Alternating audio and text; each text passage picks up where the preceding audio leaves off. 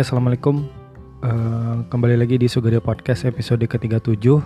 Mohon maaf uh, untuk episode kali ini suara rekamannya agak kurang bagus karena direkam di saat berkendara sepeda motor dari kampung ke kota Padang kemarin. Jadi memang agak noise tapi insya Allah sih isinya dapat sih. Maksudnya suaranya ketangkep lah apa yang ingin disampaikan di situ. Oke, uh, langsung aja saya puterin di Sugario Podcast episode ke-37. Selamat mendengarkan.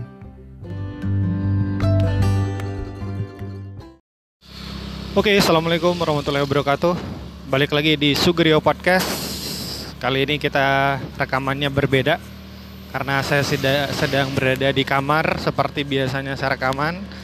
Sekarang saya berada di atas motor. Jadi saya lagi motoran ke dari Pariaman ke Kota Padang, tepat dari Padang Pariaman ke Kota Padang.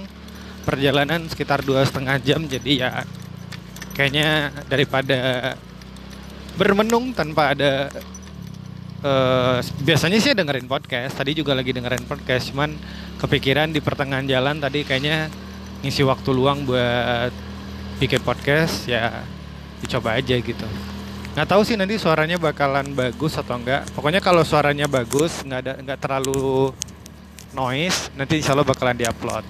Tapi kalau noise nya terlalu banyak ya nggak jadi berarti.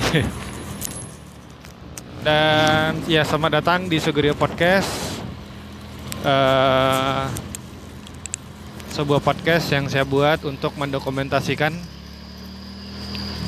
cara perjalanan pola pikir seorang Rio Havandi dan kenapa namanya Sugerio Suger itu nama kampung atau desa saya lahir dan dibesarkan.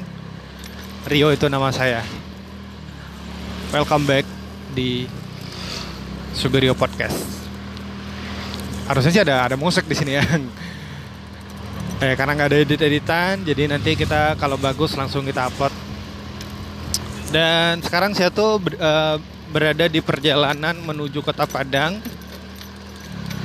Dan saya punya kebiasaan biasanya di perjalanan itu di balik helm biasanya saya tuh ini suka merenung. Suka merenung uh, apa yang uh, terfikirkan atau berkomunikasi dengan diri sendiri kayak gitu-gitu sih. Dan karena cukup panjang perjalanannya sekitar dua jam setengah ya ya udah diisi aja dengan rekaman podcast. Uh, kalau worth it kayaknya menarik sih rekaman di atas motor jadi dan doain tahun depan saya punya mobil.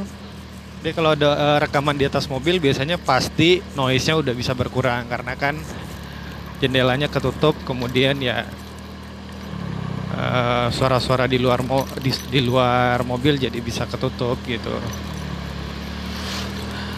Dan karena rekamannya juga mendadak saya juga nanti paling ngomongin apa uh, apa-apa aja yang ada di dalam. Sebenarnya alasan saya juga bikin podcast seperti halnya saya jelasin di episode yang lalu. Salah satunya ya kadang di dalam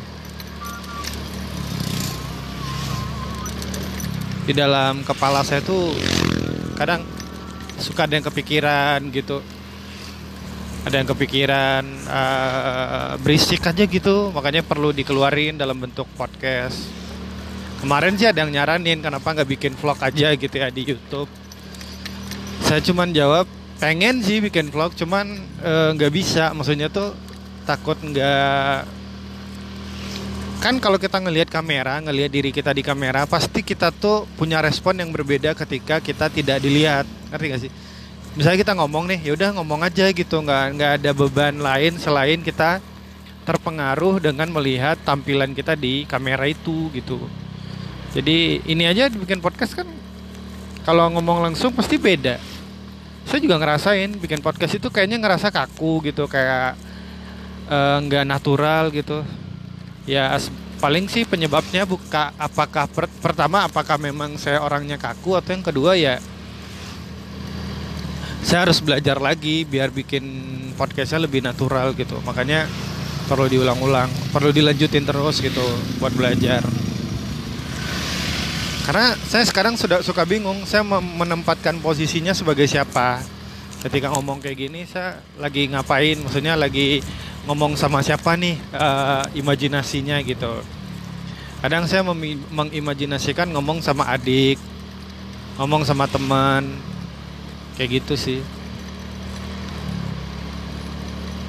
Uh, sekarang tanggal 21 Maret 2020 hari Sabtu.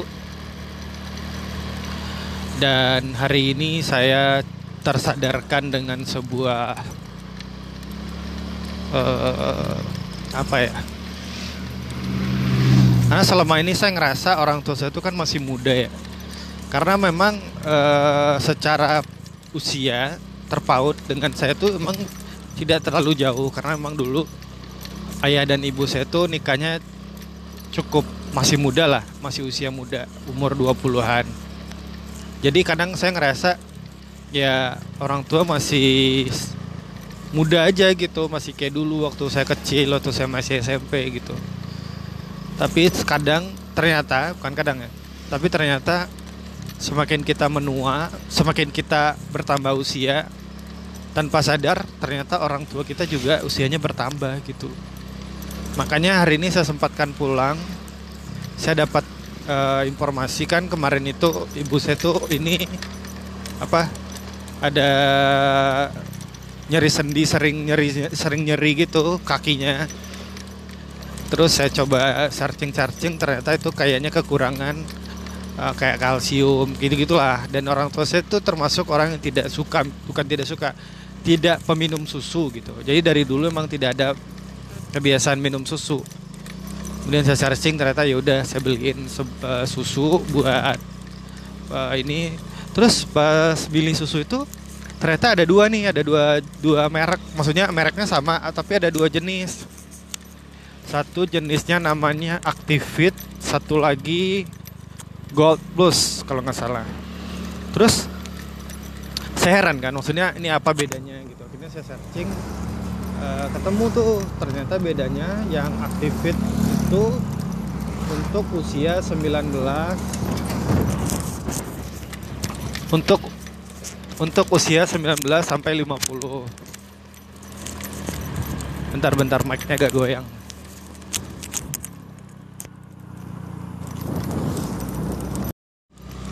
Oke kita lanjutkan. Tadi mic-nya agak goyang ya. Uh, jadi gitu ketika saya cek ternyata satu susu yang Activate itu 50 eh 19 sampai 50 usianya. Terus yang satu lagi 50 ke atas. Akhirnya saya ngitung dong berapa sih usia orang tua saya sekarang. Saya saya pengennya sih beliin yang 19 sampai 50 karena itu tadi dalam otak saya orang tua saya sih belum setua itu gitu.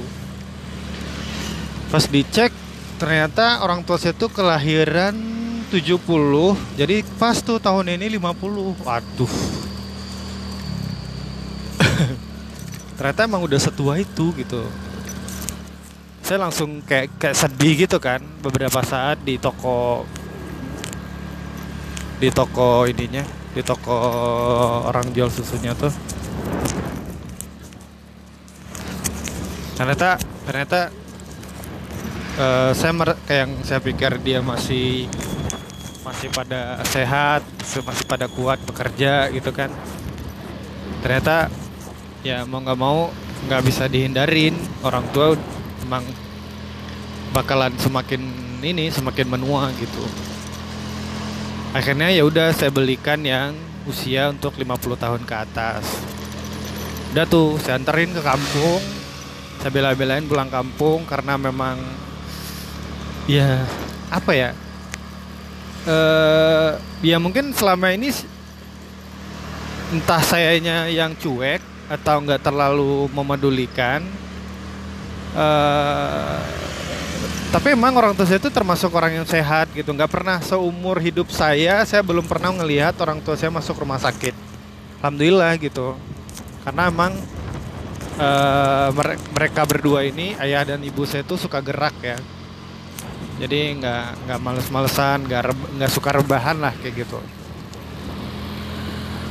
Nah pada saat pada saat ini ketika ngelihat uh, ketika tahu bahwa ternyata si ibu lagi suka sakit sakit ini sakit kaki uh, biasanya sih dikasih ibuprofen atau ibuprofen ibuprofen atau ibuprofen? Pokoknya yang asam mefenamat itu. Nah biasanya dikasih itu doang dan uh, udah gitu. Uh, kalau setiap kali setiap kali sakit dikasih itu gitu. Jadi uh, apa namanya? Ini nggak enak nih mic-nya. Bentar bentar. Jadi uh, ketika tahu ternyata orang tua udah setua uh, semakin menua jadi sedikit ini sedikit shock gitu ya. Dan ya udahlah sekarang sekarang waktunya uh, mikirin mereka gitu. Maksudnya selama ini mungkin porsi porsi mikirinnya nggak terlalu gede. Sibuk dengan kantor sibuk dengan keluarga. Uh, bukan ber apa kesannya sih saya kesannya saya nggak pernah menduli enggak saya tiap minggu tuh pulang pasti pulang. Setiap minggu itu pulang kampung ketemu orang tua. Pokoknya saya se as asalkan masih satu provinsi saya wajib sekali seminggu cium tangan. Itu udah ini udah jadi tekad dari kuliah dulu gitu. Saya dari kuliah tuh emang pulang tiap minggu nggak boleh nggak minimal cium tangan balik lagi gitu. Kayak tadi ini saya baru balik nih kemudian balik lagi ke Padang. Dan perjalanan ke Padang tuh kurang lebih sekitar dua setengah jam. Kalau kilometernya sekitar 90 sampai 100 kilometer Nah jadi yaudah saya nganterin untuk susu uh, online yang ya mereknya online saya beli. Saya nggak tahu itu worth it atau enggak tapi yang saya lihat ketemu di swalayan tadi itu ya udah itu yang saya ambil yang untuk us usia 50 ke atas.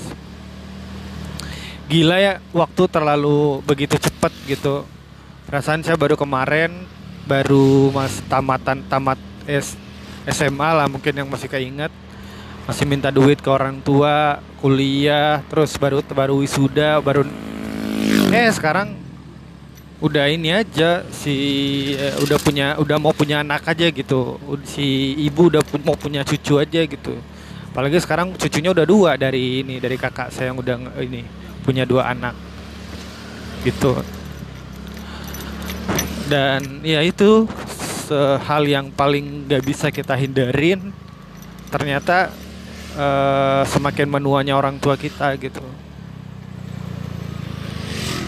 Ya kan ah, gimana kita ya nggak mungkin kan kita usianya nambah terus orang tua kita usianya segitu terus enggak. Cuman ya gimana ya? Saya kadang juga bisa ini bisa nangis sendiri gitu mikirin uh, orang tua yang udah banyak jasa namun sekarang juga masih kerja keras untuk membiayai uh, keluarga gitu. Ya udah sekarang saya pun bertekad untuk meng mengirimkan lah sekian persen gaji untuk sebelumnya sih ngirimin juga tapi buat adik-adik. Buat adik-adik doang karena adik-adik saya masih kecil ya buat belanja dia lah dan ngeringanin orang tua. Sekarang udah pokoknya setiap gajian saya harus transfer ke kampung untuk nambah-nambah uh, uang inilah kebutuhan harian kayak gitu. Uh, karena mumpung ini ya mumpung kita lagi ada rezeki kemudian mumpung dekat juga ya sempet sempetin aja gitu. Kalian kalau yang masih orang tuanya masih deket masih satu provinsi ini di ini aja di bias apa? Jangan jangan pernah males buat pulang gitu buat ketemu buat cium tangan mereka gitu. Karena kan kebetulan saya punya istri saya tuh uh, dia ditinggalin ayahnya ayahnya meninggal ketika dia masih sekolah waktu itu. Dan saya kalau ngelihat si istri cerita tentang papanya tuh saya suka sedih gitu tapi dianya nggak sedih dia ceritanya enjoy aja. Akhirnya ya udah saya berusaha enjoy padahal sebenarnya saya kayak jelek gitu dengar cerita dia gitu. Dulu papa saya kayak gini gini gini dia sering cerita tuh. Apalagi kayak kemarin dia ngambil album foto dia waktu masih balita diliatin dia ceritain. Kayaknya dia lagi kangen sama papanya saya jadi jelek gitu dengarnya tapi ya karena suasananya fun saya nggak mau dibikin jadi bikin bikin sedih gitu ya udah. Saya ngikutin alur ceritanya gitu. Karena kan apa ya kalian pasti pengen ketika kalian berada di puncak kesuksesan tapi orang tua masih ada pasti kita pengen kan gitu. Karena salah satu motivasi terbesar kita barangkali juga pengen bikin mereka bangga gitu bahwa dia punya anak yang yang yang sukses gitu. Makanya saya kalau di undangan itu memang saya wajib ngasih gelar gitu. Ya nggak ada lagi medium buat mereka bangga selain di undangan itu kan. Maksudnya undangan pernikahan bagi saya ketika orang tua saya udah memberikan kesempatan saya untuk kuliah kemudian bisa jadi sarjana berkat mereka kerja keras mereka ya udah. Saya ingin ngumumin ke orang-orang bahwa anak saya ini anak mereka loh gitu. Dan saya udah punya gelar sarjana gitu. Itu juga salah satu penyemangat yang motivasinya gitu. Nah sekarang apalagi nih gitu. Makanya sekarang saya lagi uh, ya res resolusinya nanti mengarah ke situ. Bagaimana bikin mereka bangga bikin mereka seneng bikin mereka tuh ya ya kita nggak bisa bayar jasa mereka ya. Maksudnya kita nggak bisa uh, nge ngebales apa yang udah di mereka kasih ke kita. Tapi seenggaknya sedikit prestasi yang kita buat itu yang kita persembahkan buat mereka gitu bahkan tadi nih saya mau pergi berangkat ke Padang ini. Jadi saya kasih ini jalan ilustrasi. Jadi bukan ilustrasi gambarannya Padang dan dan kampung saya itu jaraknya dua setengah jam. Nah tadi saya berangkat sekitar jam 9 ke kampung sekitar dua jam setengah berarti ya jam sebelasan lah saya nyampe. Terus pas sorenya saya mau balik. Bu saya mau balik ke Padang. Kaget. Lah kok balik sekarang? Kan besok nggak kerja gitu ya udah saya ceritain jelasin. Istri butuh saya di rumah gitu kan kondisinya gitu.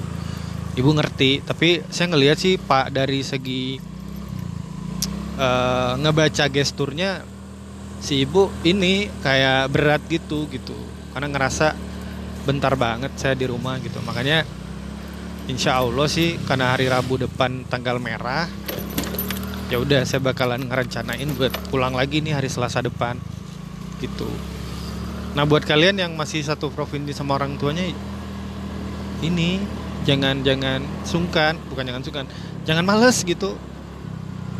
Jangan males pulang kampung. Kalau bisa kalau nggak mau ngabarin datang tiba-tiba gitu ngasih kejutan nggak apa-apa gitu. Dan dan jangan jangan pulang bikin repot. Jangan kita pulang tuh malah bikin repot nggak. Maksudnya ya kalau misalkan kita ada rezeki belilah. Beli apa makanan atau apa bawa bawa ke kampung. Gitu. Terus kalau ada uh, yang mau dibawa mungkin dari kotanya tempat kalian bekerja bawa. Nah kalian yang sekarang berada di provinsi yang berbeda dengan orang tua telepon paling ya video call gitu. Luangin waktunya buat mereka gitu. Luangin. Kalau bisa bikin jadwal gitu bikin jadwal buat nelpon orang tua khusus gitu. Jadi di waktu itu nggak boleh ada yang ganggu gitu. Buat kalian yang merantau ya. Karena eh, kadang kalau kita ngirimin duit doang sebenarnya orang tua tuh nggak butuh duit. Dia butuh kehadiran kita gitu makanya kalau saya nih kalau ngebayangin kalau saya berada misalnya saya ke, ke kerjanya di luar Sumbar gitu di luar provinsi Sumbar harus pakai pesawat ke kampung. Saya bakalan nabung tuh. Nabung nanti sekali sekian bulan saya pulang gitu. Emang buat cium tangan doang gitu. Maksudnya ya emang buat pulang terus ngibur orang tua yang yang barangkali rindu sama anaknya gitu dan biasanya sih nggak banyak orang tua yang nyampein bahwa dia rindu. Kitanya aja yang harusnya sadar peka sensitif gitu. Ya buat kalian yang mungkin orang tuanya udah dulu udah meninggal misal uh, waktu kalian masih kecil ataupun udah dewasa ini jangan lupa doain mereka. Karena satu-satunya yang bisa menyelamatkan mereka itu ya doa kalian doa anak-anak yang soleh. Karena doa anak-anak itu bisa uh, menjadikan pahala yang berkelanjutan bagi si orang tua gitu. Ya kita udah tahu pas udah tahu semua lah gitu. Doain terus. Doain ketika hujan. Maksud maksud ketika hujan itu kan hujan itu kan momen waktu mustajab dalam berdoa. Ketika hujan doain ketika sholat doain mereka buat semoga diberikan jalan yang mudah untuk menuju surga jalan yang uh, dimudahkan juga untuk me, kelu, apa terhindar dari siksa kubur kuburnya di, diberikan kehangatan, kelapangan gitu. Doain terus, doain terus. Itu yang bisa bi, men, uh, bi, uh, bikin mereka sekarang bangga gitu. Gitu. Uh, terus apa lagi ya? Ya itu sih tadi saya beliin susu, udah balik lagi. Saya tanyain sih obatnya apa. Karena kan kebetulan uh, di, di kampung itu kan nggak ada dokter spesialis ya maka ya udah sekarang sih karena kondisinya masih aman ya udah belum belum ada sih rencana mau dibawa ke ini ke dokter spesialis buat nanya-nanya gitu tapi kalau nggak salah kemarin saya ke puskesmas uh, di Padang udah ada sih maksudnya ada program lansia ada cek ini meskipun kayaknya sih uh, programnya masih belum ini ya belum terlalu aktif. Nggak tahu sih. Tapi setidaknya itu bisa di ini bisa direkomendasikan juga gitu. Dan biasanya saya tuh kalau paling nggak bisa eh bukan paling nggak bisa paling seneng itu ketika ngobrol deep gitu. Ngobrol dalam sama orang tua ngobrolin hidup ya ngobrolin masa depan ngobrolin uh, i, apa banyak lah gitu. Dan saya beruntung saya punya orang tua atau ibu sih dalam hal ini cukup open minded orangnya. Kalau ayah sih masih tergolong konservatif ya karena memang uh, ini uh, uh, ayah di, di dibesarkan dengan lingkungan yang berbeda. Ayah saya tuh dulu uh, dari kecil udah ditinggalin sama ibunya jadi beliau dibesarkan sama ibu tiri karena ibunya udah meninggal waktu masih kecil terus ya anak tunggal juga nggak ada kakak nggak ada adik. Jadi mungkin itu juga mempengaruhi nggak tahu gitu. Nah saya beruntung punya ibu tuh yang open minded kan ngobrolnya enak gitu. Nah kalau perbedaan pandangan itu pasti. Apalagi saya sama ayah tuh punya beda beda pendapat itu udah tuh belang belang bet lah gitu. Maksudnya ketika kita eh, pengen A dia pengennya B gitu. Saya dari dulu dari kecil saya pengen sekolah di SMA 1 ayah pengennya di SMA 2 ya udah. Saya pengen kuliah di Jawa ayah pengennya saya di Padang ya udah. Nggak apa-apa gitu. Maksudnya nggak apa-apa itu bukan berarti kalian nggak harus berjuang uh, untuk menje apa untuk menjelaskan ke mereka apa memberikan pendapat kalian juga, sudut pandang kalian juga penting gitu. Saya sih dulu cukup gagal ya, tergolong tidak berhasil melobi orang tua karena dulu tuh ngerasa cepet putus asa, cepet nyerah aja gitu ketika orang tua bilang ini ya udah gitu. Padahal kalian sebenarnya punya kita punya kesempatan buat ngejelasin asalkan kita ngejelasinnya pas, komunikasinya bagus karena kan ini kan soal generasi yang berbeda ya. Jadi seni komunikasinya juga beda gitu. Kita nggak bisa maksain cara komunikasi kita dengan orang tua. Karena dia dibesarkan dengan lingkungan yang berbeda. Plus juga mereka tuh cara pikirnya juga berdasarkan pengalaman. Dan yang udah pas yang pasti apa pun yang diusulkan sama orang tua kita tuh dan kita ngerasa itu nggak kita sukai bedanya adalah orang tua kita tuh memberikan pendapatnya dengan landasan cinta.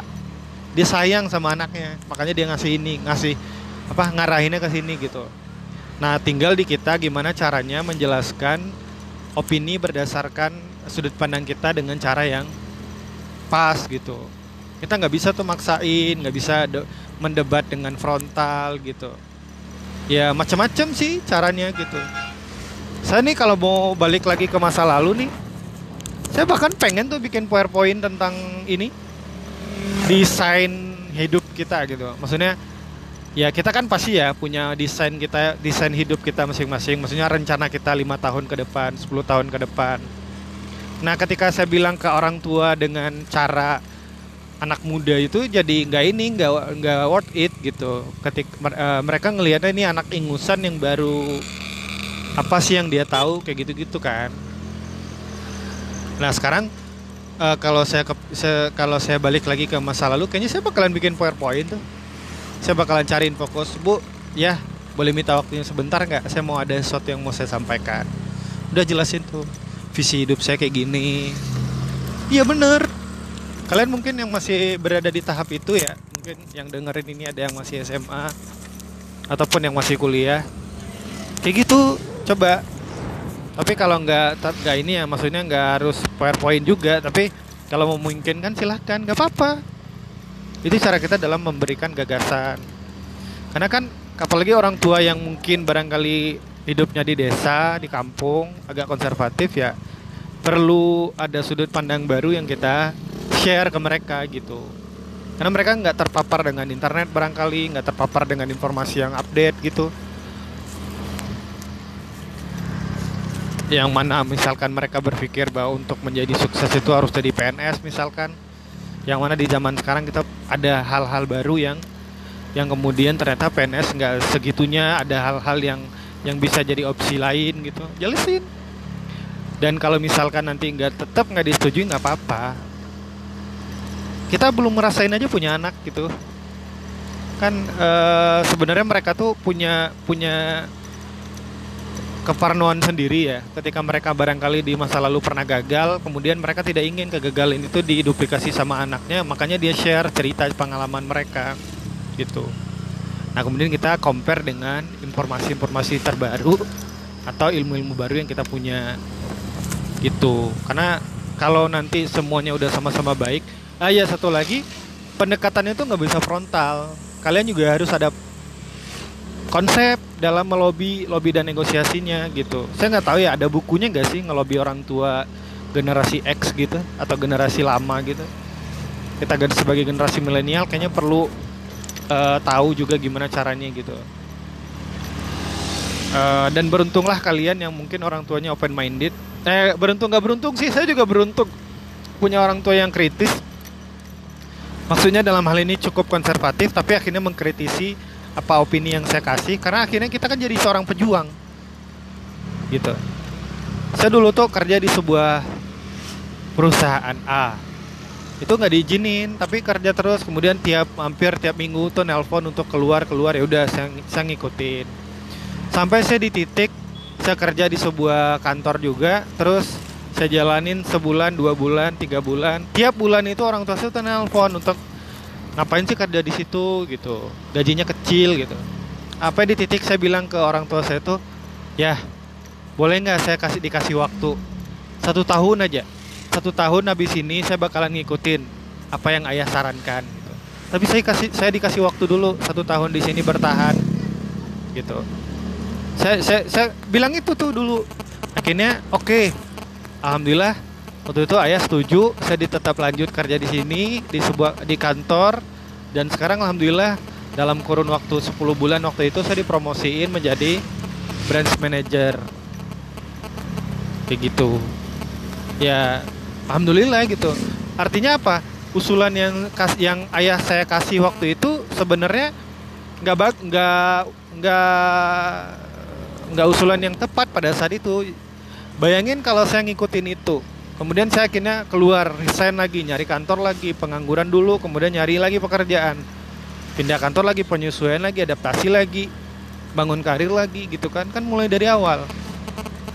Tapi waktu itu pertam untuk pertama kalinya saya coba bersih keras nyampein ke beliau, ya kasih saya waktu satu tahun aja. Saya ngomong baik-baik waktu itu. Satu tahun aja. Alhamdulillah disetujui ya udah gitu mungkin karena beliau ngelihat saya yakin dengan pilihan saya dengan pilihan kata yang saya sampaikan juga itu natural aja sih nggak ada nggak terlalu nggak ada skripnya juga gitu. Artinya apa? Potensi potensi usulan orang tua salah juga ada. Potensi usulan kita salah juga ada. Yang penting bagi saya adalah kita yakin ngejalanin sesuatu udah itu aja gitu. Perihal salah benernya ya nggak apa-apa Men, ya, mending salah ketimbang kita ragu-ragu ngerjain sesuatu gitu. Jadi misalnya kita milih ini nih milih resign. Ternyata setelah resign kita pengangguran kemudian uh, keuangan menipis. Nggak apa-apa asalkan ketika kita memutuskan untuk resign itu yakin gitu. Dan kemudian tidak ada penyesalan di akhir. Gitu. Oh, yuk. Kan ada pilihan tuh resign atau ngelanjutin. Tiba-tiba kita milih resign ya udah. Yang ngelanjutin ini nggak usah diingat-ingat lagi sehingga di titik ketika kita pada saat pada saat kita di apa namanya uh, pengangguran kemudian keuangan menipis kita nggak usah nyesel gitu. Karena udah dipilih. Udah kita tentuin gitu. Dan nggak usah diinget-inget juga untuk ya kenapa ya saya resign kemarin. Mending saya nggak usah resign gitu. Nggak usah nggak usah dipikirin yang lagi yang itu gitu. Uh, dan bukan berarti orang tua salah juga. Belum tentu. Barangkali dengan cara orang tua kita yang konservatif itu kemudian memberikan usulan-usulan ke kita, saran-saran wejangan ke kita yang menurut kita nggak bener, itu bikin kita makin kritis, makin jago dalam lobby negosiasi misalkan gitu kan, gitu. Ya, jadi ketika misalkan kita uh, punya, uh, beda pendapat nih, kemudian kita ya udah saya harus ngikutin kata orang tua dalam hal itu misalnya, ya udah fokus aja di situ, nggak usah mikirin lagi yang lain gitu. Ketika misalkan salah nggak apa-apa gitu. Kan waktu masa-masa seusia kita nih sebenarnya salah itu ya nggak apa-apa gitu. Daripada nanti uh, nyesel di di akhir gitu. Karena kita ragu-ragu terus ngejalanin sesuatu gitu ya saya nggak tahu nih udah berapa menit HP-nya di kantong. Saya rekaman tuh pakai handphone terus pakai mic. Mic-nya itu cuman pakai mic yang nempel di headset gitu. Jadi nggak tahu nih suaranya bagus atau enggak kalau bagus bakalan diupload. Kalau nggak bagus ya di delete gitu ya atau jadi kenangan aja sih. Nah, eksperimen pertama. Sebenarnya kalau eksperimen di perjalanan saya udah sering. Saya udah sering uh, pakai mic juga pernah. Kemudian dulu sepedahan juga pernah. Daripada sepedahan daripada sepedahan nggak ada ini nggak ada nggak ada kerjaan maksudnya nggak ngeliatin jalan doang ya udah rekaman ternyata nggak bagus ya udah nggak diupload nah sekarang saya nyoba lagi nih eksperimen kesekian kalinya menggunakan sepeda motor ya atau ini bagus atau enggak Oke, uh, itu aja mungkin ya. Uh, terima kasih buat teman-teman yang udah dengerin sampai di detik ini. Uh, gak tahu nih udah berapa menit di perjalanan tadi. Uh, saya ngucapin selamat melanjutkan aktivitas. Terus kalau kalian ngerasa konten ini ada faedahnya, support terus dengan cara membagikan ke teman-teman yang lain biar yang dengerin makin banyak. Caranya sih simple, kalian tinggal screenshot nanti posting di Instastory saja kalau lagi dengerin Sugerio Podcast.